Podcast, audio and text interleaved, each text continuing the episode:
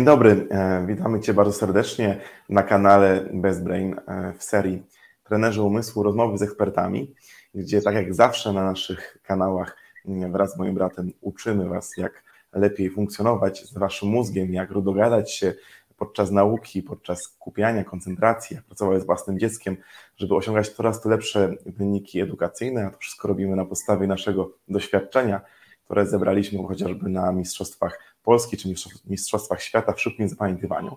Natomiast w tej serii e, jesteśmy trochę z boku, ponieważ e, najważniejsi są nasi goście i dzisiaj e, z wielką radością przedstawiam Wam naszego gościa, mm, Katarzynę Sierakowską, znaną z Instagrama jako pani Kasia po godzinach, osoba, która dzieli się swoim doświadczeniem wobec tego, w jaki sposób funkcjonować w edukacji domowej, jak przeprowadzać tą edukację domową ze swoimi dziećmi. Stąd właśnie będziemy dzisiaj w okolicach e, tej edukacji domowej e, rozmawiać o wszystkich, e, mam nadzieję, może nie wszystkich, ale dużej części ich zakamarków, plusów i minusów, tak żebyśmy mogli trochę doświadczyć i dowiedzieć się, skorzystać z doświadczenia Kasi na ten właśnie temat. Witam Cię bardzo serdecznie, Kasiu. Dziękuję pięknie za zaproszenie, bardzo mi miło.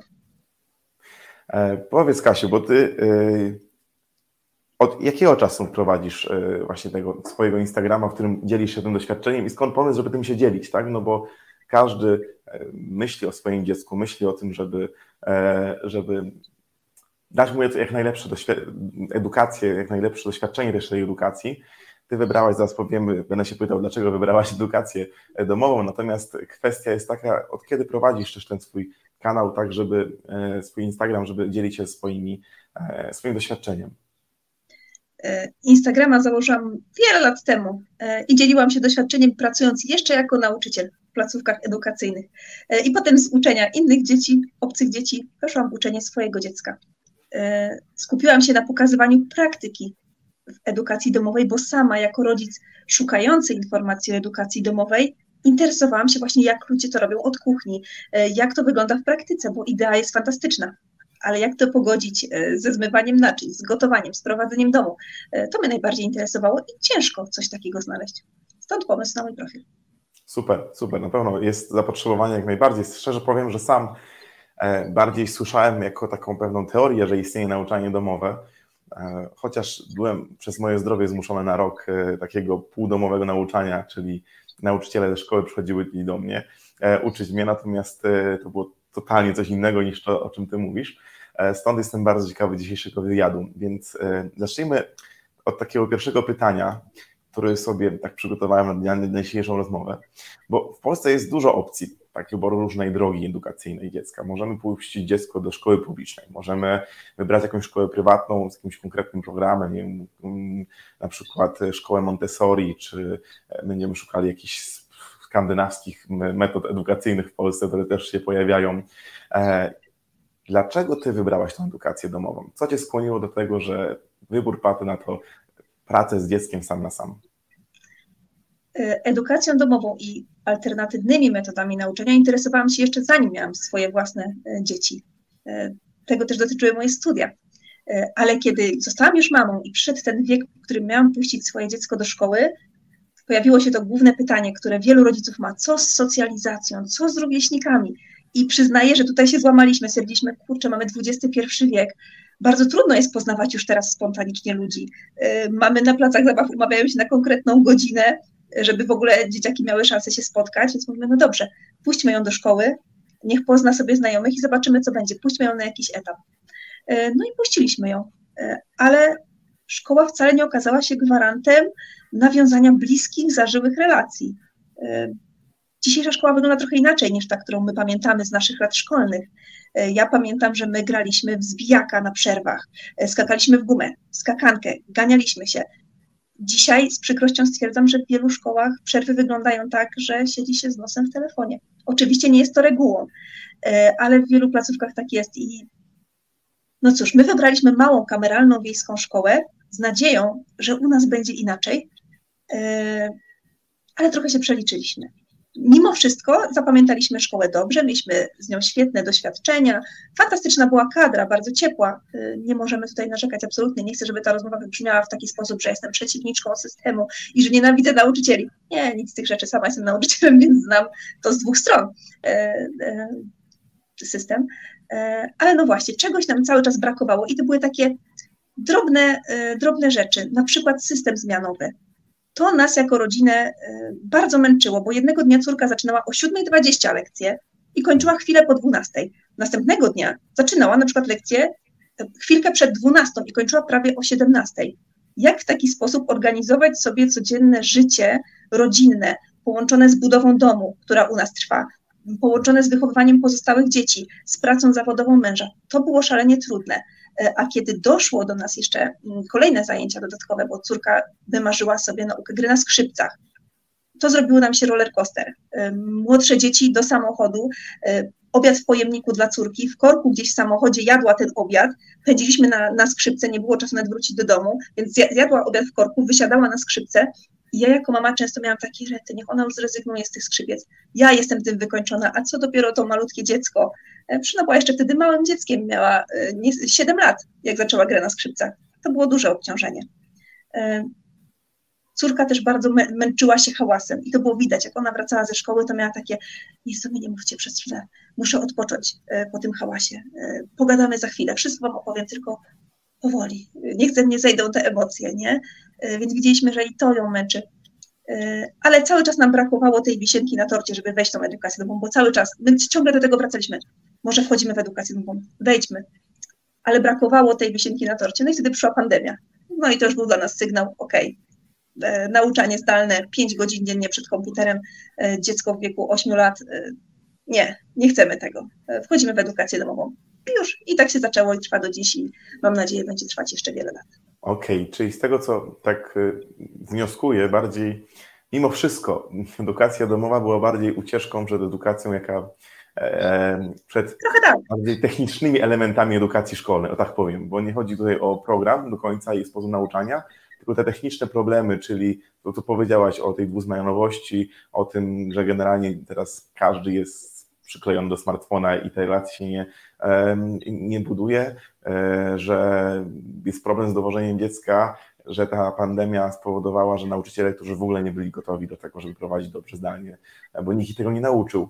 Tak, tak e, to ja absolutnie ich nie winię. Oni zostali postawieni przed faktem dokonanym z dnia na dzień.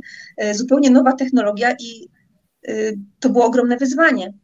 Z pewnością jeszcze dla mnie też ważne jest to, że w grupie dzieci zawsze znajdą się dzieci super zdolne i dzieci mniej zdolne, dzieci z trudnościami. Jest jeden nauczyciel, który musi zaspokoić potrzeby tych wszystkich dzieci jednocześnie, realizując program i no jako człowiek twardo stąpający po ziemi wiem, że to jest po prostu niemożliwe. Tego się zrobić nie da. Więc zwykle te zdolne dzieci zostają zostawione same sobie pod tytułem on sobie poradzi, on jest zdolny, da radę, bo podciągamy tych, którzy radzą sobie słabiej, powiedzmy, którzy mają jakieś specyficzne trudności w uczeniu się. Bardzo często tak jest. Trudno jest oczekiwać od nauczyciela, że będzie miał indywidualne metody dla każdego z 30 dzieci, które ma w grupie.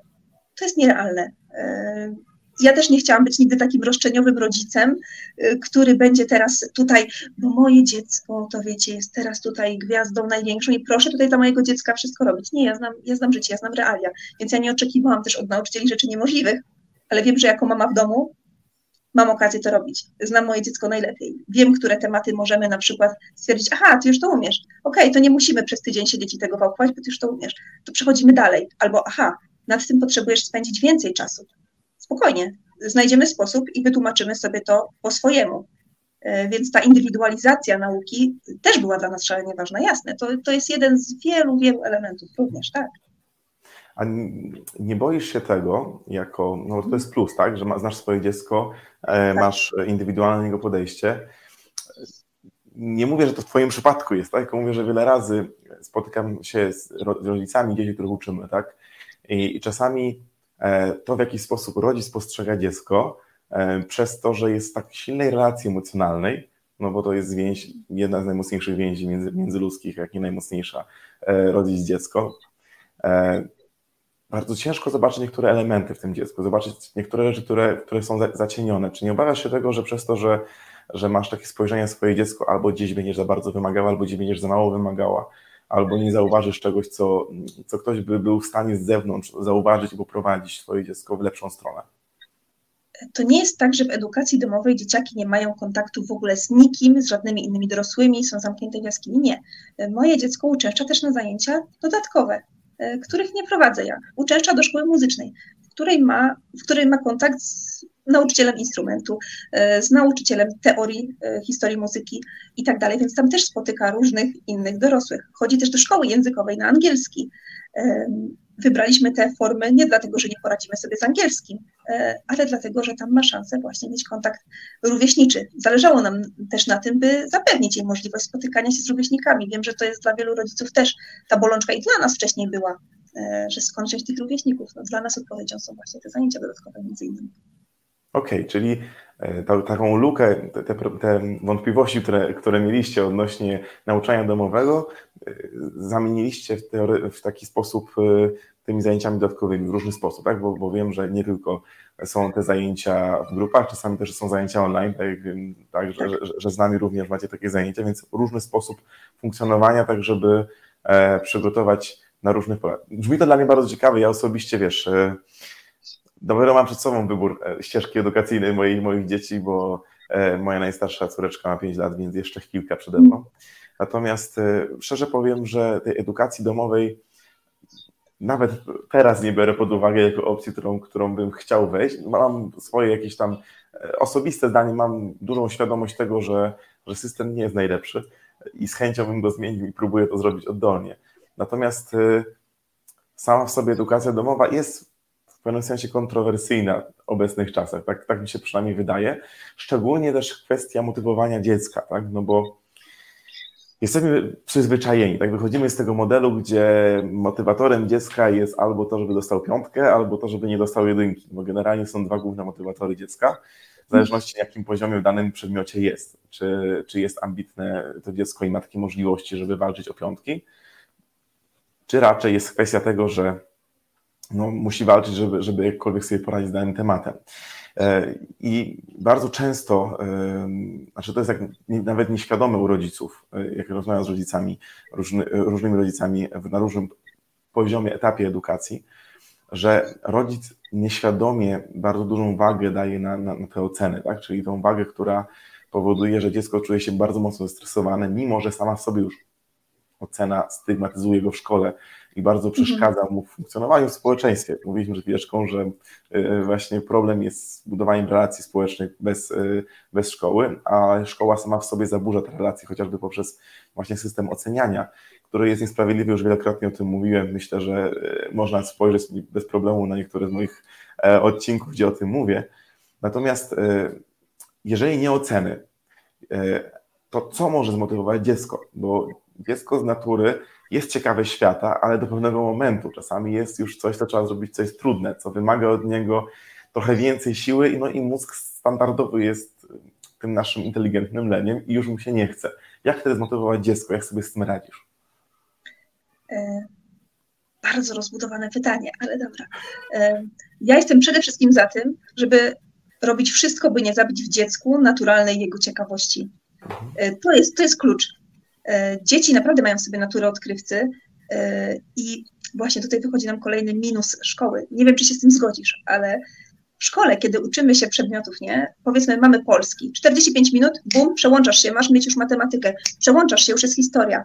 Zdążysz zaciekawić się jakimś tematem, masz ochotę go zgłębiać dalej, ale już musisz przełączać się na zupełnie coś nowego. A przecież kiedy ty masz zajawkę na coś, przynajmniej ja tak mam, no i każdy, kogo znam, jeżeli ja zaczynam się czymś interesować, to tak długo lubię, aż dojdę do sedna tej sprawy. Ja będę tygodniami czy śledzić w książkach na jakiś konkretny temat, który mnie interesuje, aż nasycę w sobie ten głód wiedzy. E, dlatego to też jest ten minus e, systemowej edukacji, nie? że trzeba się cały czas przełączać. O kurczę, to jest świetne, uczymy się e, o Imperium Osmańskim i tak dalej. Bum, nie, nie, już teraz uczymy się, kochani, o pantofelkach. Imperium Osmańskie, to sobie tam w domu może doczytasz, a może jutro już będzie zupełnie inny dział z historii i tak dalej. Y, no właśnie, więc jeżeli dajemy szansę naszym dzieciakom na jakąś zajawkę, to one za nią pójdą, to jest raz, a dwa. Poczekaj, to, zanim przejdziesz do dwóch, jeżeli mogę odnieść się do tego pierwszego, bo tam mówili, że może mam inne podejście, bo to jest no. myślę, że dość duża kwestia, bo e, jeżeli mogę oczywiście, bo myślę, że, że, że spokojnie tu wrócimy do tematu, bo jest ważny. Kwestia jest, e, problemem jest to, że jest to, ta kwestia doczytaj sobie w domu, tak? Czyli e, nauczyciel nie prowadzi, nie, praktycznie nie ma takiej możliwości, żeby prowadzić temat z lekcji na lekcję w sposób ciągły, tak? No bo, no bo dziecko jest mhm. zachoruje albo ma, spieszy się z tematem i musi zostawiać rzeczy do doczytania w domu. Co w mhm. ogóle dla mnie już, już troszeczkę śmierdzi tym, że nauczyciel zabiera czas wolny dziecku w domu, który powinien spędzić na innych aktywnościach niż, niż nauce. I to bardzo demotywuje. I z tym się zgodzę. Natomiast e, bardzo fajne są takie eksperymenty e, mówiące o tym, że wtedy, kiedy szybko przełączamy się pomiędzy różnymi działami, pomiędzy różnymi przedmiotami, e, to czujemy się niekomfortowo po wykonaniu tych zadań, tych ćwiczeń. Mhm. Natomiast na samym końcu mamy wiedzę, która jest o wiele bardziej użytkowa, ponieważ nie musimy się przełączyć na tor myślenia na przykład języka polskiego czy historii, tylko możemy połączyć wszystko ze sobą trochę lepiej, bo potrafimy się przełączać między wątkami. Czyli jeżeli na przykład mam matematykę i będę szedł tak jak idzie matematyka w szkole, najpierw dział dodawanie, potem dział mnożenie, potem dział jakiś tam, jakiś tam, jakiś tam, to później dostaje egzamin na koniec, nie wiem, szóstej klasy, kiedy wszystko jest pomieszane. I dzieci, to też jest minus, w tym wszystkim pomieszanym się gubią, bo nie mieli nigdy pomieszanych tych elementów. Więc co do pojedynczego przedmiotu, jest to źle zrobione. Ale co do samej idei tego, że przełączamy się między tymi aktywnościami, uważam, że to jest dla mnie plus osobiście. Nie? Ja też lubię drążyć czasami do jakichś ciekawych informacji, ale to przerzucanie się według mnie też ma swoje plusy. Tak chciałem tylko odpowiedzieć, bo mówisz, że, że, że zastanawiasz się, jakie mam do tego podejście, to tak tylko wtrąciłem i z chęcią się dowiem, co dalej powiesz o motywowaniu. E, z moimi dziećmi osobistymi, mogę się wypowiadać na temat moich osobistych, nie? E, nic ich tak nie motywuje, jak konkretny właśnie wynik. Y, ale nie przedstawione absolutnie w formie oceny, bo ja z ocenami też się nie zgadzam i do tego pewnie przejdziemy jeszcze później, do tych y, rzeczy, które chętnie bym zmieniła. Y, mam całą listę, jest ich dużo. Ale konkretny wynik, że dowiedziałam się czegoś, poznałam coś nowego i tak dalej. I jeszcze jedna rzecz, nawyk, po prostu. Nie doceniamy często tego, że potęgi nawyku. No, wyrabiamy w sobie nawyk uczenia się i już. Nie wszystko w życiu będzie tak, jakbyśmy chcieli, nie wszystko w życiu będzie zawsze, y, nie zawsze będziemy wystarczająco zmotywowani. No umówmy się, ja nie zawsze z tym samym entuzjazmem mam ochotę iść gotować obiad. No ale jeść musimy, więc ten obiad gotuję. Tak już jest. I myślę, że tak samo jest z nauką. Nie zawsze będą fajerwerki, nie zawsze będzie rewelacja, nie zawsze będę mieć sobie tę pasję y, ognistą, że teraz tutaj na pewno dzisiaj się nauczę czegoś fantastycznego. No nie, życie tak nie wygląda, nie? Życie w dużej mierze składa się z prozy, ale y, nawyk jest ważny. Okej, okay. to w takim razie spytam się Ciebie jeszcze takie mini dodatkowe pytanie. Czy uważasz, według mnie bardzo istotne, czy uważasz, że edukacja domowa jest dla każdego, czy raczej dla pewnego typu um, osób, jeżeli chodzi o dzieci i rodziców, ich, ich charakterów, typów? To jest pytanie y, bardzo złożone, bo na nie nie ma dobrej odpowiedzi. Jak powiem, że jest dla wszystkich, to znajdzie się ktoś, kto powie, o nie, bo ona nie zna naszej sytuacji materialnej, e, naszych relacji rodzinnych i tak dalej. Jak powiem, że nie jest dla wszystkich, to wtedy usłyszę, no ona to się czuje lepsza. Ona teraz zadziera nosa, ona jest tym wąskim fragmentem elity, który uważa, że, że tak, że oni mogą edukacją, a reszta to nie. E, ale tak zawsze... zupełnie obiektywnie i szczerze, e, myślę, że 99% dzieci nadaje się do edukacji domowej, ale rodziców 40%. Okej, okay. czyli to jest bardziej kwestia już rodzica. Y, też tak mi się wydaje, że to jest duży, duży problem. E, mimo wszystko, e, sobie tak wyobrażam, jak jest jedno dziecko, dwójka dzieci, tak, to jeszcze jestem w stanie jakoś to poukładać w domu. Natomiast nie wiem, jest trójka dzieci, na przykład mam, moi znajomi mają piątkę dzieci. I w tym momencie już jest e, bardzo duże wyzwanie, żeby na różnych poziomach edukacyjnych prowadzić piątkę dzieci w edukacji domowej. Czy zauważasz też tam możliwość takiej edukacji domowej, czy raczej e, to już jest kwestia, która jest nierealna do, do zrobienia według, według Twojego własnego podejścia? E, według mojego własnego podejścia edukacja domowa jest najlepsza w rodzinach właśnie wielodzietnych. Dla mnie największym, e, największą obawą byłoby mieć jedynaka w rodzinie w edukacji domowej. To byłoby trudne. Kiedy jesteśmy w rodzinie wielodzietnej, oczywiście są inne trudności ja na przykład mam bobasa na stanie, mam nastolatkę na stanie, mam pięciolatka na stanie i dziewczynkę w pierwszej klasie. Także mam e, cały miks, ale no właśnie, nie wiem, czy się zgodzisz po raz kolejny. Wielu rzeczy uczymy się od osób starszych, od nas, wiedzy, doświadczenia, i od tych młodszych uczymy się troski, trochę ofiarowania też siebie, wychodzenia ze swojej strefy komfortu, więc to jest fantastyczne środowisko nauki. Oczywiście wiąże się to z logistycznymi wyzwaniami rodzica, ale jeżeli spojrzymy na placówki edukacyjne, te z wyższej półki, te najlepsze przedszkola, to ich hasłem reklamowym jest tworzymy rodzinną atmosferę. Staramy się odwzorować atmosferę rodziny wielodzietnej i grupy mamy mieszane wiekowo. To są najczęściej takie hasła e, reklamowe. E, no i uważam, że tak jest. Te małe dzieciaki chcą ciągnąć w górę do tych starszych, chcą dorównywać. Mają taką potrzebę rozwijania się cały czas i ta ambicja w nich rośnie i widzę to po moich, e, po moich młodszych dzieciach, jak one bardzo chcą naśladować starszą córkę. Starsza córka nauczyła się czytać mając 7 lat niespełna, młodsza mając już niecałe sześć, bo tak bardzo chciała e, naśladować e, starszą siostrę. E, I tak samo jest teraz z synem. Syn jest pięciolatkiem, ale już bierze się za książki. Także, ale oczywiście to, to nie jest usłane, wiecie, samymi płatkami róż. To jest logistyczne wyzwanie. To nie jest takie, hop, nie zatrzymam roczniaka, żeby siedział z nami przy stole, kiedy tłumaczę ułamki i procenty starszej córce.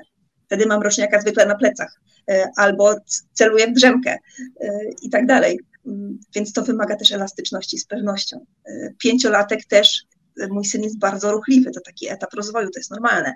Więc wiecie, czasami jest tak, że czytam sobie Władcę Pierścieni ze starszymi córkami na głos, a pięciolatek z tyłu strzela salta i skacze z parapetu na łóżko na przykład.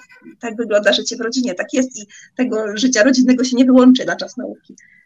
To, to też trzeba mieć z tyłu głowy. Okej, okay. no jak najbardziej e, to jest zrozumiałe, nie? Że, że, że tak to wygląda życie rodzinne, kiedy jest więcej osób w ogóle gdziekolwiek zawsze. E, e, to jest taka niesamowita prawda, że my myślimy czasami, że dziecko ma być cicho siedzieć na lekcji i nie, nie, nie gadać, a kiedy byśmy my byli na jakimś szkoleniu, to od razu e, skomentujemy z kolegą, koleżanką obok, bo to jest naturalne w nas, żeby, żeby, żeby być cały czas w interakcji. Niektóre rzeczy nie zauważamy, że że w pracy też nie jesteśmy w stanie wysiedzieć w, cichości i w nieprzeszkadzaniu innym.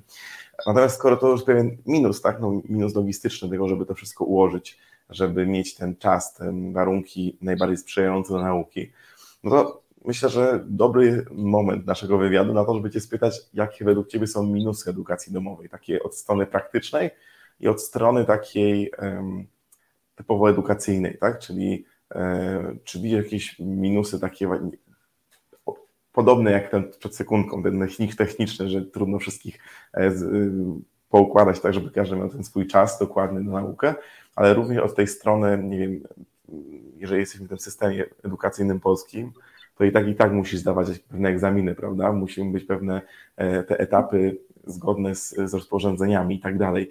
Więc jakie są minusy od takiej strony bardzo praktycznej i takiej trochę bardziej formalnej? E, od tej praktycznej to spędzacie więcej w domu jako, czasu jako rodzina.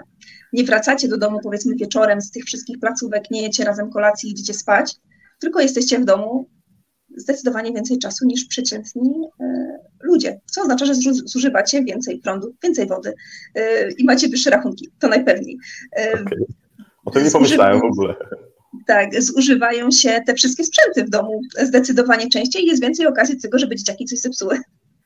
E, na pewno macie więcej porysowanych ścian e, w domu, kiedy jesteście w edukacji domowej, no ale to jest ta cena, którą wszyscy się godzimy dźwigać. E, z tych formalnych rzeczy, to z pewnością właśnie te egzaminy, o których wspomniałeś, nas, tak, obowiązuje nas podstawa programowa dokładnie taka sama jak dzieci placówkowe. I ta presja na rodzicu może być przytłaczająca, zwłaszcza, że no, w edukacji domowej zwykle to jeden rodzic jest bardziej obciążony tym wszystkim niż ten drugi. E, co jeszcze dla wielu osób e, edukacja domowa wiąże się ze zrezygnowaniem z pracy zawodowej, zwłaszcza na tym początkowym etapie, bo przecież nie zostawimy dzieci na etapie edukacji wczesnoszkolnej samych w domu, kiedy my jesteśmy w pracy. To się nie wydarzy.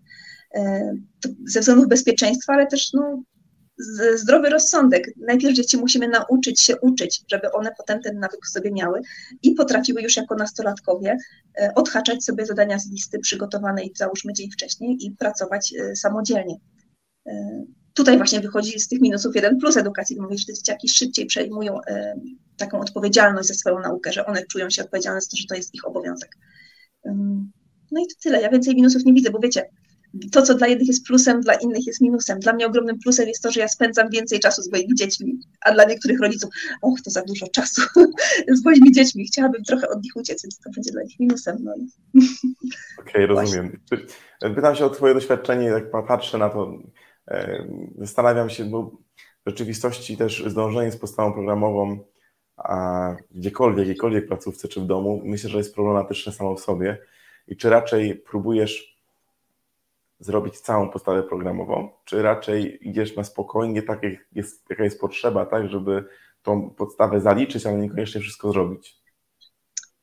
E, na tym etapie edukacyjnym, jesteśmy teraz w piątej klasie, ta podstawa programowa nie jest szczególnie rozbudowana, e, więc my jesteśmy w stanie ją zrealizować w bardzo dużym procencie i to też zawsze budzi we mnie takie, no może nie złość, ale że materiał, nad którym dzieci pracują, wiecie, od 1 września e, do końca niemal czerwca, e, my jesteśmy w stanie zrobić no, znacznie szybciej w naszych warunkach domowych i mamy dużo dłuższe wakacje. W zeszłym roku zaczęliśmy wakacje 20 kwietnia e, i to tylko dlatego, że po drodze nam się gdzieś urodziło dziecko i ja chciałam powoli i tak dalej. Moglibyśmy dużo szybciej skończyć. W klasie trzeciej szkoły podstawowej skończyliśmy rok szkolny w styczniu i to tylko dlatego, że nie mieliśmy terminu na egzamin, e, który chcieliśmy zdać w grudniu.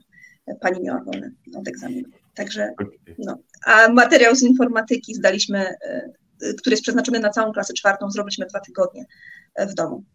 Na tego przykład. się nie dziwię, bo tam jest bardzo, bardzo, bardzo okrojony według mnie materiał, jeżeli chodzi o to, a tak, ale zobaczcie, jak te godziny, Mhm. Ale jak te godziny są bardzo wypełnione, no nie, i my sobie zastanawiamy się, no ale to trwa do czerwca, tyle godzin w tych ławkach, nie?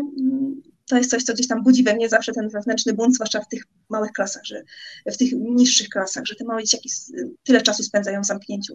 To jest coś, co mnie gdzieś tam boli. Powinniśmy spędzać więcej czasu w naturze. E, kto się interesuje te, e, te, tematem deficytu, e, zespołu deficytu natury, ten wie o czym mówię. Jeśli nie interesujecie, to się zainteresujcie. To jest bardzo ważny temat wychowania dzieci. Okej. Okay. Mam na ciebie, tak, powiedziałeś takie zdanie, że mm, dzieci uczą się jak się uczyć, tak? I, i potem łatwiej im jest samodzielnie odhaczać te zadania.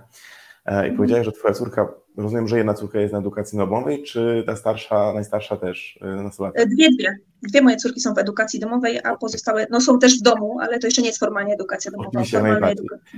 Pytam się, ponieważ ta piąta klasa to jest okolice 11 roku życia, prawda? Dobrze, dobrze mhm. pamiętam tak. jeszcze te progi wiekowe. Psychologa mówi, że w okolicach 12 roku życia zaczyna dziecko zmieniać myślenie z myślenia dziecięcego na myślenie małego dorosłego, tak? Czyli, że już ja potrzebuję własnej motywacji. Motywacja taka, że rodzic mi mówi, co mam robić, to już nie, nie wystarcza dla mnie, że ja muszę zrobić coś, czuję się jako mały dorosły, nie mam doświadczenia i wiedzy, ale już decyduję w sposób trochę inny. E, jestem bardzo ciekawy, czy u Ciebie przeszło już w tej piątej klasie, w tym wieku 11 lat, e, Twoje dziecko na tą taką pracę, w której potrafi samo się uczyć, no bo jak sobie tak wyobrażam taką lekcję w domu, no to raczej każdy rodzic jest tym takim rodzicem, może nie każdy, ale bardzo często, który by chciał wręcz wyręczyć swoje dziecko czasami z jakichś trudnych rzeczy, czyli jak dziecko coś się pomyli, to od razu mu poprawiamy, nie? E, I to jest, znając funkcjonowanie mózgu, niedobre, no bo dziecko musi popełnić błąd i musimy mu pokazać ten błąd, żeby pokazał, wiedział, jak z niego wyjść. A kiedy zabraniamy popełniać tego błędu, to jest potem problem. Więc ta relacja nauczyciel-uczeń jest bardzo e, jakby zagarniająca wręcz pewne obszary, w których dziecko powinno samo się rozwijać, w których dziecko powinno do, doświadczać, robić błędy i z nich wychodzić. Stąd mhm. moje pytanie, konkludując cały wywód. Jak twoja córka, ta z piątej klasy, przeszła, czy już przeszła, czy jeszcze nie przeszła tą samodzielną naukę? Czy ma problem z tym, żeby samodzielnie się uczyć niektórych elementów, czy jednak to było dla miarę naturalne? Nie ma problemu, by uczyć się samodzielnie, ale wiem, że tutaj było też dużo pracy mojej własnej nade mną, paradoksalnie, bo tak jak powiedziałeś, w nas rodzicach jest taka chęć wyręczania dzieci. I ja zawsze muszę się ugryźć w język, żeby powiedzieć, a gdzie możesz znaleźć odpowiedź na swoje pytanie? Gdzie poszukasz? Skąd się dowiesz? To sprawdź, to się dowiedz. Jak nie znajdziesz, nie będziesz wiedziała, to przyjdź do mnie, pomogę ci znaleźć. ale nie oczekuj ode mnie, że ja ci dam odpowiedź, bo ja tego nie zrobię.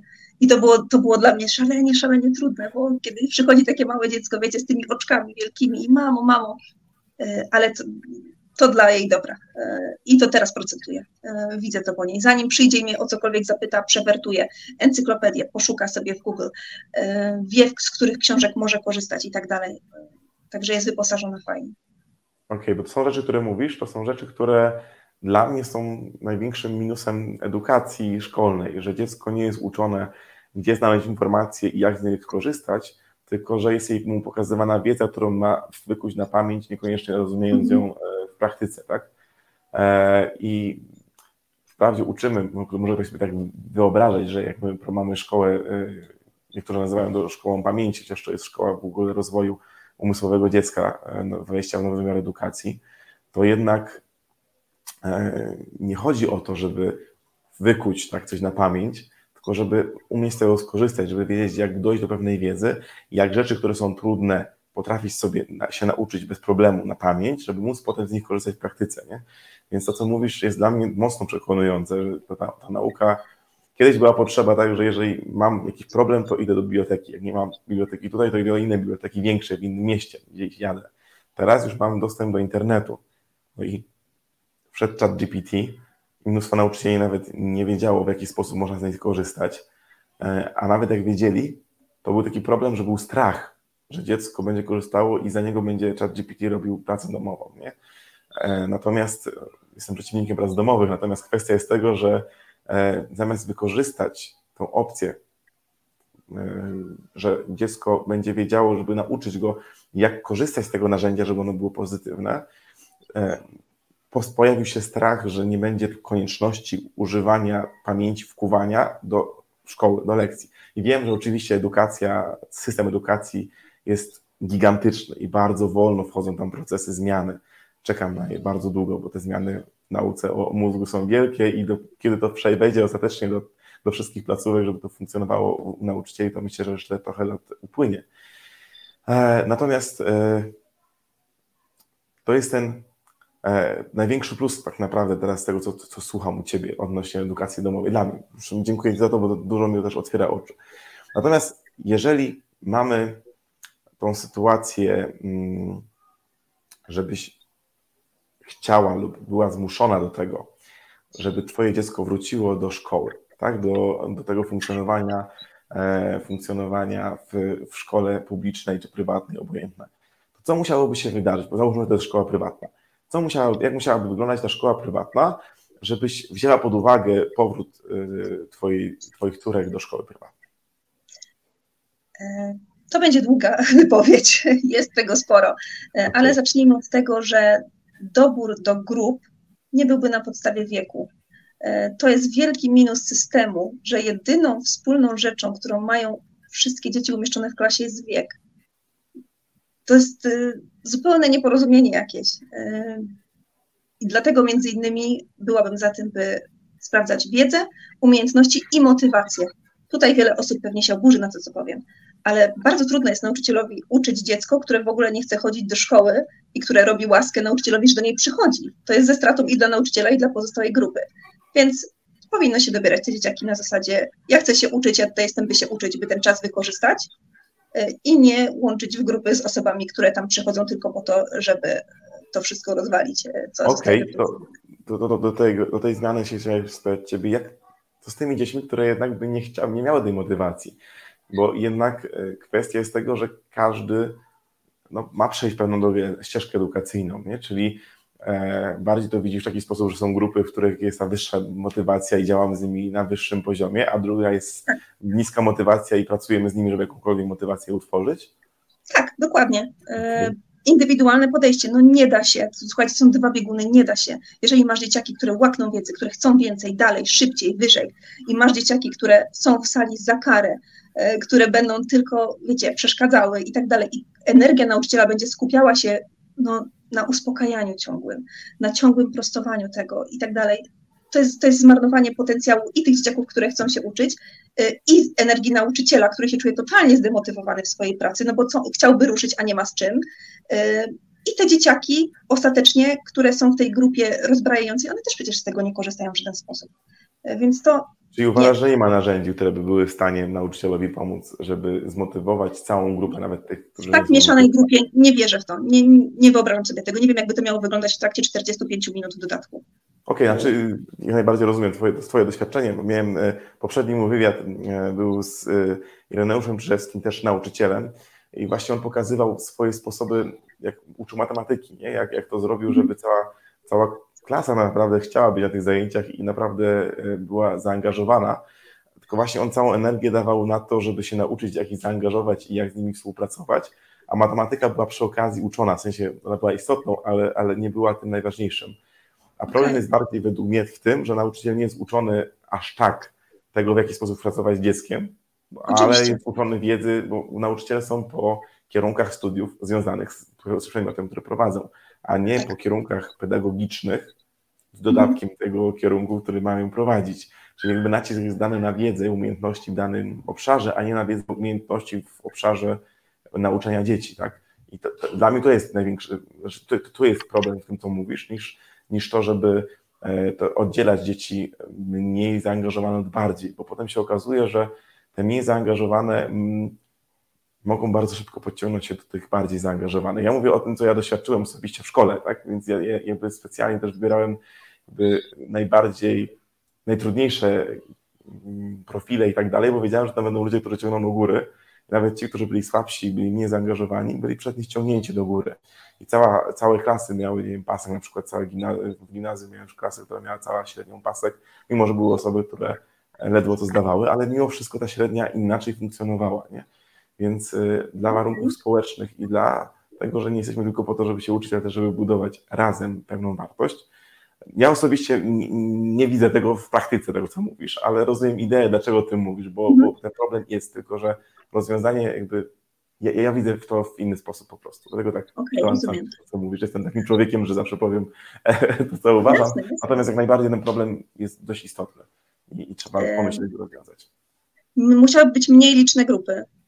Mm, klasy są przewidziane. To, to jakby to, to jest raz. E, dwa, to jest korzystniejsze i dla nauczyciela, i dla dzieciaków, nie? To wiadomo. E, I tutaj powiem coś znowu kontrowersyjnego. E, ale co zrobić? Ja nie wierzę w koedukację, po prostu. Uważam, że dziewczynki, znaczy uważam, to nie jest tylko moje, to nie jest tylko moje widzimisię. Wyniki w szkołach, w których podział na grupy ze względu na płeć, na dziewczynki i na chłopców są wyższe niż te w grupach mieszanych. I nie, nie wynika to z tego, że jedni są inteligentniejsi od drugich, czy lepsi od drugich, nic z tych rzeczy. Po prostu mamy różne mózgi, kobiety i mężczyźni funkcjonują inaczej i uczą się w inny sposób. Z pewnością o wiele łatwiej jest dobierać metody nauczania E, pod dziewczynki i pod chłopców. Trudno jest oczekiwać od chłopaka, którego roznosi energia, e, który, no, którego mózg przyswaja wiedzę w inny sposób, że będzie siedział w ławce przez ileś godzin dziennie i uczył się w taki sam sposób jak dziewczynka, która, e, której mózg z natury jest trochę inaczej biochemicznie działa niż jego. Więc tak, ale oczywiście jak najbardziej. Te same przedmioty, te same możliwości, inne metody no, nauczania. Oczywiście, jak najbardziej. E, tutaj też, też e, takie doświadczenie moje, e, tutaj bardziej pytałem wiedzy mojej żony, która jest, no, skończyła mm, Akademię Pedagogiki Specjalnej, więc dużo wiedzy też takiej naukowej to ma o, o rozwoju psychofizycznym dzieci w tych, tych pierwszych szczególnie latach. Jest to duża różnica, szczególnie jeżeli chodzi o to siedzenie w ławkach, tak? czyli czyli dziewczę, dziewczęta szybciej, dziewczyny szybciej potrafią mieć taką koncentrację, która jest wymagana w szkole, w edukacji takiej typowej, niż, e, niż chłopcy, którzy dochodzą do, do momentu około czwartej, piątej klasy, więc przez, e, no, bardzo generalizując oczywiście, tak? Każdy, każdy jest troszeczkę tak, inny. Natomiast e, wiem, że to jest duży problem od strony chłopca, który może się bardzo mocno zdemotywować swoimi wynikami wcześniej, dopóki nie dojdzie do tego momentu, w którym jest w stanie gdyby współrywalizować, mm. można powiedzieć, dziewczynami, nie? Czyli to jest taka sama sytuacja, w której e, są takie, może nie eksperyment, tylko bardziej analiza danych związanych z nauczaniem dzieci w szkole, chyba w, w, w Polsce, w Europie, już teraz nie powiem dokładnie, e, jeżeli chodzi o miesiąc, w którym się urodziło dziecko. Okazuje się, mhm. że osoby, które się urodziły w pierwszym kwartale, o wiele częściej są wysyłane na konkursy, o wiele szybciej wchodzą na wyższy poziom edukacyjny, ponieważ nauczyciel zobaczył w pierwszych latach, że one mają trochę większe możliwości no bo ich mózgi były kilka mm. starsze, e, no. więc wysłali na konkursy, a to automatycznie rozpoczynało tą lawinę, tak, która e, efekt kuli śnieżnej, jeżeli idę na konkurs, to jest to, to dziecko jest bardziej inteligentne, to poślę go jeszcze raz, dam mu trochę więcej możliwości, i, i bardzo rzadko osoby z, z, końca roku miały te same wyniki, to osoby z początku roku. Więc y, mhm. zgadzam się z tymi, z tymi wynikami, ale znowu jest ten problem związany z relacjami y, między też płciami, bo to też jest bardzo, bardzo istotna rzecz w każdym momencie rozwoju e, i bardziej byś widziała to jako totalnie dwie placówki różne, które. Nie, nie, e, nie. Czy bardziej dwie klasy, które są po prostu rozdzielone tak. w ramach jednej placówki. Tak, tak. Dwie klasy rozdzielone w ramach jednej placówki, nie? I okay, myślę, że. Jeżeli chodzi o naukę, rozdzielamy, a jeżeli chodzi o, o interakcję, o jakieś zabawy, działania, to działamy tak. razem. Okej, okay, super. E, oceny wyłącznie opisowe. E, I tutaj nie trzeba tego tłumaczyć. To jest absurdalne. Uczeń dostaje ocenę numer 3, ale co to znaczy? Czego nie umiem? Co muszę poprawić? E, w czym powinienem się jeszcze doszkolić? A w czym jestem dobry? No to jest suche 3 i tyle. To jest za mało ocena musiałaby być opisowa. Okej, okay. ale Co opisowa jeszcze? względem jego własnej oceny poprzedniej, czy względem czego? Bo to jest, myślę, że większym naciskiem powinno być e, to, względem czego oceniany jest uczeń, niż to, w jaki mm. sposób jest to dokonywane. Bo jeżeli e, uczeń jest. Mamy dwa przykłady dwóch uszy. Kiedyś to mówiłem, ale to dla mnie genialny przykład i to pokazuje mm. absurdy dzisiejszego systemu. Jeden uczeń, który w domu ma starsze rodzeństwo i, i z fizyki po prostu to rodzeństwo jest za, za, ma konika, jeżeli chodzi o fizykę, i przychodzi na jakiś, nie wiem, o magnetyzmie, tak? Mamy gimnazjum, magnetyzm i on już wie 70% z podstawy programowej na ten temat. Drugie dziecko w ogóle nie ma, nie ma starszego rodzeństwa, nic się nie interesowało fizyką, przychodzi na temat, wie jakieś 10%, no bo coś tam słyszało, coś tam wie. I teraz obydwoje dzieci pracowały tak samo. Pierwsze dziecko nauczyło się 20% i drugie dziecko nauczyło się 20% podstawy programowej. Pierwsze walczy o szóstkę, drugie ledwo o dwóje. I to jest ta kwestia, która y, w tym, co mówisz, jak gdyby wychodzi. Natomiast w opisie może być to samo, bo opis może powiedzieć znowu to samo, że ten nauczył się tylko 30%, bo nauczył się tego i tego i tego, a ten już umie 90%. Więc ja bym tutaj dał nacisk na to, żeby właśnie, żeby była było to nagradzanie ucznia jego wynikami. Jego progresu. Wobec samego siebie, tak? Mhm, mhm. Ale tutaj też na to odpowiedzią jest właśnie to, jeżeli jedynym kryterium doboru do grupy jest wiek, to to właśnie jest, masz tutaj ten przykład. To jest słabe kryterium dobierania dzieciaki w klasy, po prostu. E, okay, One mają równego startu, nie? E, I no, i już. Ale są też badania pokazujące, że, znaczy badania, badania i eksperymenty, że grywalizacja w grupie bardzo zwiększa wyniki. Jeżeli jest dobrze wykonana, jeżeli mamy grywalizację, tylko ona właśnie nie może być grywalizacją, która stygmatyzuje i stresuje. Tak? Czyli to jest coś, no właśnie, to, czyli to nie może odbywać się w standardowej placówce, no przepraszam, systemowej, żeby to no, się sprawdziło. Rozumiem.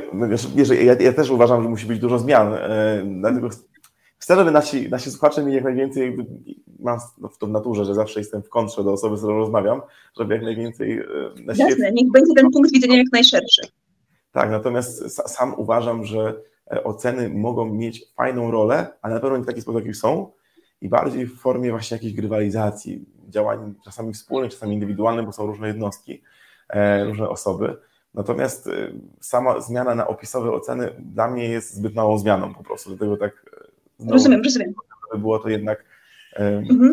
Gdyby opis ukazywał progres, czyli przyszedłeś z tym, ale wychodzisz z tym, e, to wydaje mi się, że, jest, e, że to już jest z pewnością lepsze niż suche 3, niż suche 4.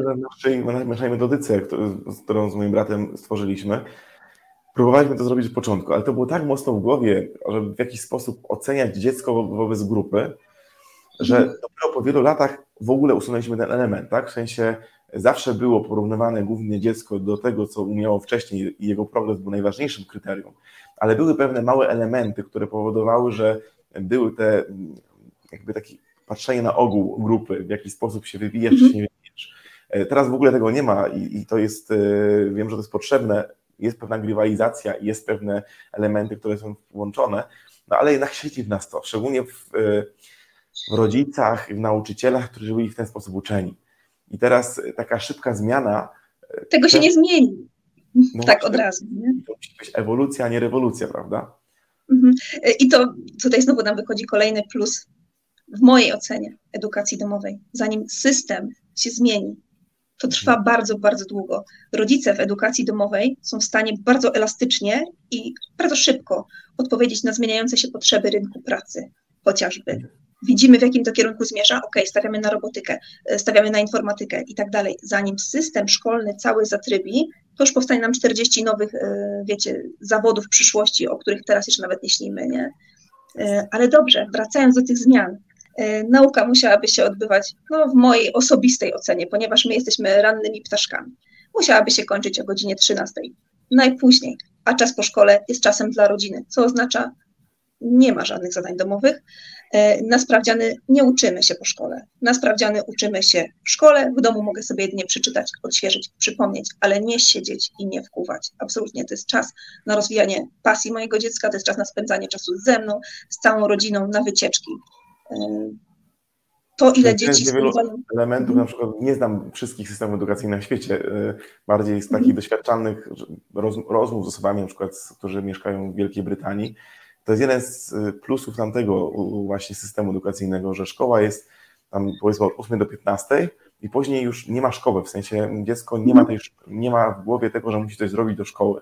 Nie wiem na ile to jest wszędzie tam i na ile to jest jakby pewną stałą we wszystkich szkołach, Natomiast to jest kwestia niesamowicie istotna, która y, w ogóle jest, ja czuję, że to, co było wcześniej naszej edukacji w, w Polsce, było bardziej wolnościowe, jeżeli chodzi o dziecko, niż to, co jest teraz. Że idziemy w ogóle w odwrotnym kierunku. Y, zamiast iść w tym kierunku, co idą te najbardziej, najbardziej rozwinięte systemy edukacyjne na świecie, e, jakby zmierzamy totalnie do tyłu i, i tego w ogóle nie rozumiem osobiście. Mhm, e, no, bardzo się z tym zgadzam, co mówisz. E, I jeszcze, co musiałoby w mojej ocenie jeszcze w szkole się zmienić? Wydaje mi się, e, a raczej wiem, że szkoła trochę odchodzi od tej swojej wychowawczej funkcji. I jest tak, że rodzice przerzucają na szkołę odpowiedzialność za wychowanie, a szkoła trochę umywa ręce, no ale to jest rola rodziców. I w sumie kto ma te dzieciaki wychowywać? Y, moja propozycja na to między innymi, jedna z wielu jest taka, nauka cztery dni w tygodniu, ale piąty dzień to obowiązkowy wolontariat. Wolontariat dostosowany do wieku, wrażliwości dziecka, etapu rozwoju. Powiedzmy w podstawówce mamy dom seniora, przygotowujemy jakieś przedstawienia dla nich, y, y, pomagamy im pielęgnować ogródki, tego typu proste rzeczy, czy też wyjście do schroniska dla zwierząt. Ale w liceum troszeczkę podnosimy sobie poprzeczkę. Zobaczymy, jak wygląda hospicjum, Zobaczymy, jak wygląda oddział onkologiczny, e, zobaczymy, jak pracuje się w schronisku dla osób bezdomnych, czy w domu samotnej matki. E, myślę, że wiele problemów wychowawczych, e, wiele problemów związanych z przemocą rówieśniczą by nam zmalało, gdyby troszeczkę dzieciaki zobaczyły, jak wygląda życie w tych różnych innych obszarach i gdyby była w nich kształtowana od początku postawa dawania, postawa empatyczna, E, postawa tego, że nawet Twoją małą pracą możesz wnieść e, bardzo dużo w życie innych. Mm, w mojej ocenie. Analizuję bardzo mocno ten punkt, bo on jest dość mocno zmieniający rolę szkoły, w sensie w samej sobie, nie? bo a, właśnie. Czym być musiałby być opiekun, tu musiałby być doświadczony opiekun, rozsądny opiekun, tak, któremu moglibyśmy dziecko y, z ufnością powierzyć i tak dalej. Jasne, to jest już problem, bo szkoła mimo wszystko jest y, włożona w system, a system jest włożony w politykę. I to już powoduje pewien duży problem. Nie chcę mówić o polityce, bo to nie o to chodzi, natomiast zawsze polityka ma swoje interesy w każdym mm -hmm. elemencie edukacyjnym. I jeżeli będziemy, dla mnie, jeżeli by już w szkole były pewne elementy wychowawcze tak mocne, znaczy uważam, że one są dobre rzeczy, które, żeby, żeby zobaczyć, żeby pomóc, żeby się nauczyć, to są rzeczy bardzo praktyczne, praktyczne w relacjach, praktyczne w wychodzeniu i to jest, to jest rzecz bardzo pozytywna. Natomiast wiem, że y, może być przez każdego zepsuta, czy przez nauczyciela, czy przez opiekuna, czy przez sytuację, a przez to, że jest to, że idziemy niestety w, taki, w takim kierunku, w którym rodzic przestaje mieć wolność wobec wyboru wartości, wyboru nawet, nie wiem, wiary, religii, tak. to, to, to, ma, to idziemy w stronę, w której by to wszystko się scentralizowało na szkołę. I dla mnie to jest bardzo duży minus. Oczywiście mówisz o tym, że, że jest przerzucana odpowiedzialność, generalnie wszędzie przerzucana odpowiedzialność. Miałem taką ostatnią tak, sytuację, że byłem w szpitalu z dzieckiem, prosiłem, no tam jakieś małe wydarzenie, to znaczy w domu się może coś wydarzyć, żeby zobaczyć, wszystko jest tam dobrze. E, było wszystko dobrze, ale lekarz i tak zaproponował, żeby coś w szpitalu bez żadnej podstawy, tak? W sensie bał się mhm. dać jakąkolwiek decyzję, mimo że to on jest lekarzem, mimo że to on to powinien mhm. zrobić, nie jako tak, rodzic, który jestem w tym momencie laikiem. Ale jeżeli oddamy wychowanie dziecka w szkole, to w tym momencie rodzic przestaje mieć taką funkcję bardzo podstawową, bardzo ważną i przestaje być potrzebny. A skoro rodzina jest podstawową komórką społeczną, tak idąc typowo naukowo, nie mówię o swojej wierze, gdzie uważam, że to jest w ogóle podstawa domowego kościoła, e, to w tym momencie e, zaczyna się wszystko rozjeżdżać. W tym świecie, w którym i tak się to rozjeżdża, bo mało mamy tych wspólnych posiłków, mamy tych wspólnych rozmów, to, co było nie do myślenia kiedyś, że nie ma momentu, gdzie siadamy przy stole wszyscy razem, to teraz jest większo- normalnością wielu rodzin i te relacje się rozpadają, to jeszcze przerzucenie tych elementów wychowawczych na szkołę dla mnie byłoby bardzo, bardzo niebezpieczne. Rozumiem, o co Ci chodzi, rozumiem ideę, natomiast to jest zmiana w ogóle definicji szkoły, po co ona jest. Dokładnie do tego zmierzam. E, dokładnie do tego zmierzam. I to jest kolejny powód, dla którego jesteśmy w edukacji domowej bo ja nie wierzę w szkołę wolną od ideologii. Nie ma czegoś takiego, nie ma szkoły wolnej od polityki. E, trzeba być bardzo mocno naiwnym, żeby wierzyć, że tak jest. E, no, dobra, ugryzę się. Okej, okay, ja cię rozumiem. Natomiast tutaj jest też, znaczy, ja, ja mam w głowie jakiś plan z, z, moją żoną, że myślę jednak o tej edukacji standardowej, czyli posłać swoją mm córkę do do szkoły publicznej. Przeżyłem różne rzeczy w swojej szkole publicznej, mogę opowiadać mm o różnych doświadczeniach i, i, i, i nawet w podstawówce, w elementach wczesnoszkolnych byłem pobity i tak dalej, więc różne rzeczy się wydarzały w szkole. Mhm. E, I wiem, że są różne rzeczy mówione, różne rzeczy można przejść i są to trudne sprawy, więc to jest najbardziej odsuwające od szkoły publicznej. Jednak myślę, że tutaj bardzo ważną podstawą właśnie jest cały czas ten rodzic, który może być pewnym filtrem i pewnym E, pewną osobą, na której się opiera dziecko do pewnego momentu. Później oczywiście dziecko staje się samodzielne i mhm. nawet edukacja domowa nie, za, nie zatrzyma go przed, e, przed ideologiami i przed informacjami, które atakują go z zewnątrz. Natomiast myślę, że sama, sama idea pomyślenia, że szkoła może wychować moje dziecko, jest ideą bardzo wątpliwą, szczególnie w dzisiejszym czasie, w czasach. Ty to wiesz i ja to wiem. E, ale prawda jest taka, że dzieciaki spędzają ogromną ilość czasu w placówce. Wracają do domu powiedzmy o godzinie 17, ale i tak jeszcze potem idą na jakieś korepetycje e, i inne tego typu rzeczy, bo umówmy się, e, ja nie znam obecnie dzieci, które by nie korzystały z korepetycji na pewnym etapie edukacyjnym. Nie znam, przynajmniej z jednego przedmiotu. Co oznacza, że z rodzicami widzą się gdzieś wieczorem, przy kolacji, może, niecodziennie, kto ma ich wychowywać? To są dzieciaki zdane same na siebie bardzo często. I to, to, jest ten, to jest ten wielki, wielki trud, nie? Y, ciężko znaleźć tutaj te granice, no dlatego ja mówię, no ciężko jest być rodzicem, w, mając dziecko w placówce, bycie takim rodzicem, jakim by się chciało, wpajać takie wartości, jakie by się chciało. Oczywiście istnieją placówki wyznaniowe, oczywiście nie wszystkie y, placówki są też takie y, zaraz najgorsze. Wspominałeś o Montessori, wspominałeś o edukacji alternatywnej. Dla każdego z pewnością coś się tam znajdzie, nie tylko edukacja domowa. E, grunt to mieć tę świadomość, jaka odpowiedzialność na nas, rodzicach, spoczywa właśnie w tym kontekście wychowania dzieci. E, bo wiecie, też wspomniałeś o tym, że miałeś różne doświadczenia w szkole.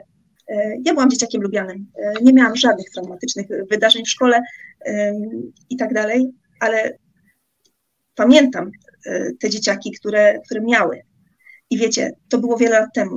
Dzisiejsza przemoc rówieśnicza przybiera trochę inne formy niż wtedy. w rękawiczkach bardzo często. Wtedy nie mieliśmy wszyscy telefonów pod ręką. Wtedy nikt nikogo nie kamerował w toalecie.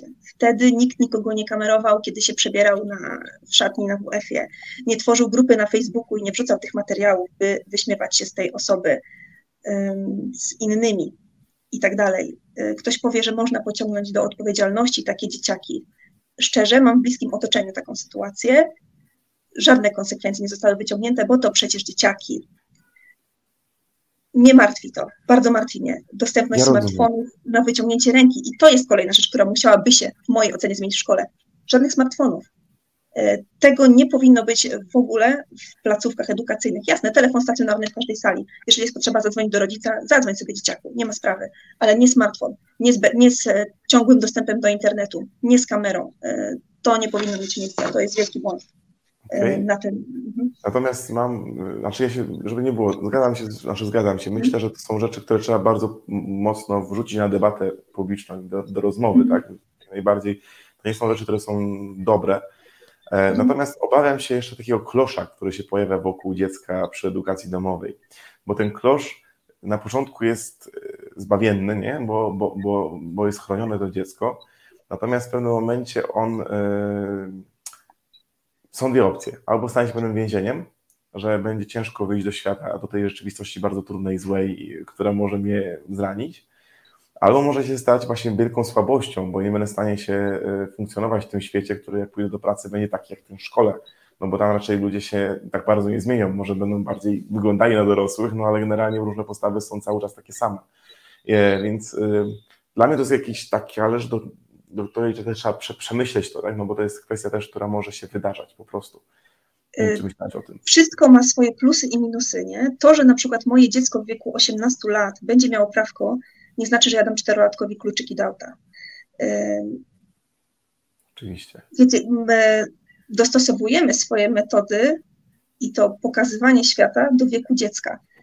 Ja nie widzę powodu, e, to wcale nie jest tak, że wystawienie dziecka na przemoc rówieśniczą, załóżmy, to jest skrajny przykład, ja wiem, no utwardzi je jakoś w życiu i ono teraz będzie.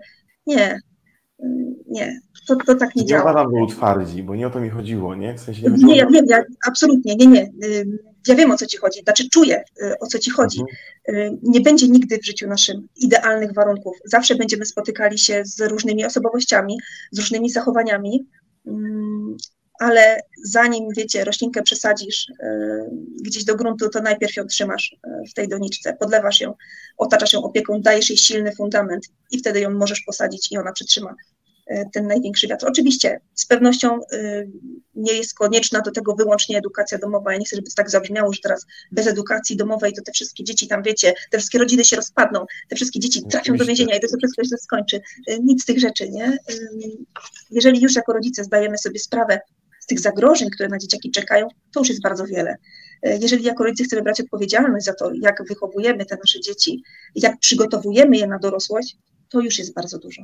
I to jest też mm. kolejna rzecz, która się powinna zmienić w edukacji, uważam. Y, przygotowujemy ludzi wykształconych, ale mało zaradnych w dorosłym życiu. Ja odnoszę takie wrażenie bardzo często. W Japonii są takie zajęcia jak prowadzenie domu od najmłodszych lat. Dzieciaki uczą się tego, jak wykonać proste naprawy w domu, jak gotować, jak prać. E, to Wiecie, samo w Skandynawii, z tego co wiem. Mm -hmm. skandynawskie również to samo robią. Są dni gotowania, dni jakichś rzeczy, które są bardzo praktyczne do, do, do działania. E, I to jest, to jest świetne, to jest bezcenne, bo wiecie, kiedyś e, na maturę, nie wiem, czy jeszcze jesteście takimi dinozaurami jak ja, ale kiedyś mówiło się na to egzamin dojrzałości, że to już był młody, dorosły. Mhm. Czy tak to wygląda dzisiaj? Czy ten nasz 18-latek faktycznie jest takim młodym dorosłym?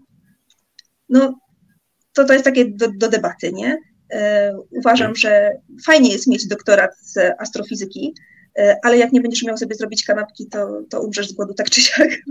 E, więc ta praktyczna część życia, ta samodzielność, e, to jest szalenie ważne, nie? bo nawet jak spojrzysz na YouTube, jedne z najczęściej wyszukiwanych filmów to jak nastawić pranie, jak pościelić łóżko, tego typu rzeczy. Nie więc tego, więc nie wiem.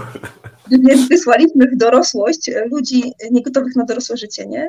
Mają super wiedzę, super takie, taką akademicką wiedzę, ale tak życiowo jest im na pewno ciężko wejść w dorosłość, więc taki przedmiot... to może być tak, że one trochę albo są źle przygotowani, albo wręcz mogą wyprzedać też świat, no bo mamy teraz wszystko bardziej zautomatyzowane i tak naprawdę nie musimy myśleć o tym, jak zebrać y, warzywa z pola, żeby mieć warzywa, y, nawet zupę gotową, kupioną i przygotowaną nawet dobrej jakości w swoim domu. Więc ja rozumiem, o czym mówisz, zastanawiam się po prostu, co pójdzie świat. Czy to będzie ten dobry kierunek, mm. że ktoś ma niesamowitą wiedzę, umiejętności w jakiejś konkretnej polskiej dziedzinie, a nie potrafi sobie poradzić z kanapką, jak to mówisz, oczywiście skrajny przykład.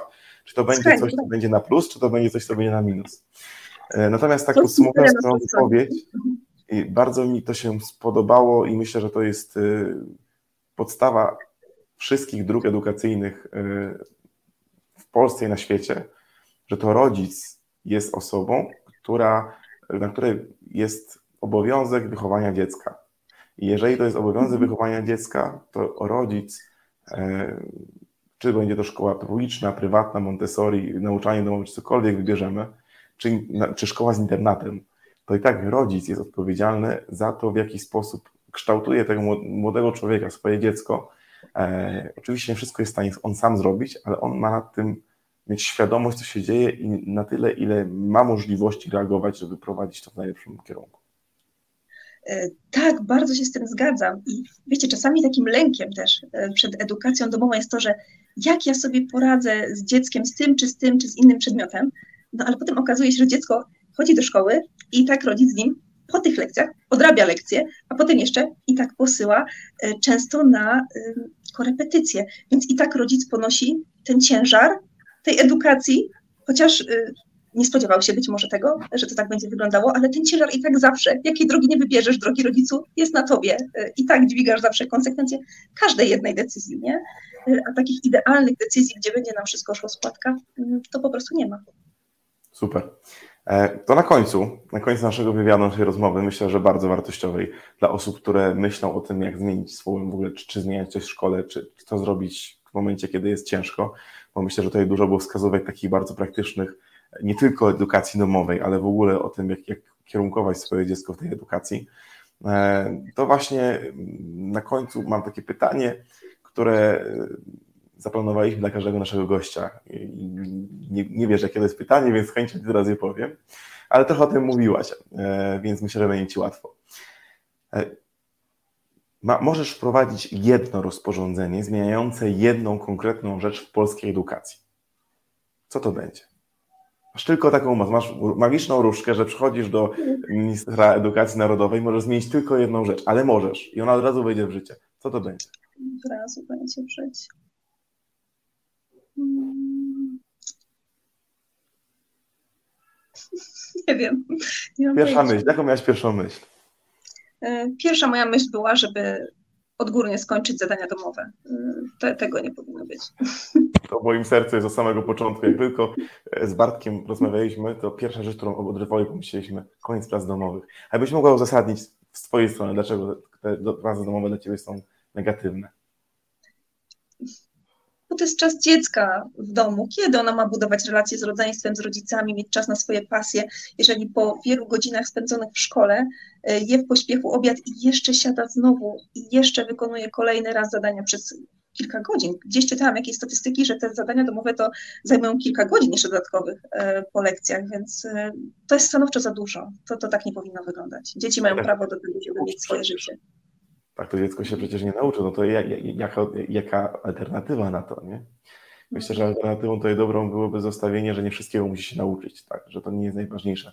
Ty mówiąc o tym, żebyś zmieniła na czterodniowy dzień szkolny plus piąty dzień wolontariat, dla mnie pokazałeś pewną taką ideę, nie? że szkoła nie musi nauczyć wszystkiego, bo i tak nie nauczy, ale mm. musi przeprowadzić dziecko przez, przez sposób rozumowania i uczenia się i to nie wymaga od niego zrozumienia wszystkiego, co jest wokół niego, ale budowania pewnej, pewnych fundamentów do naszego rozwoju.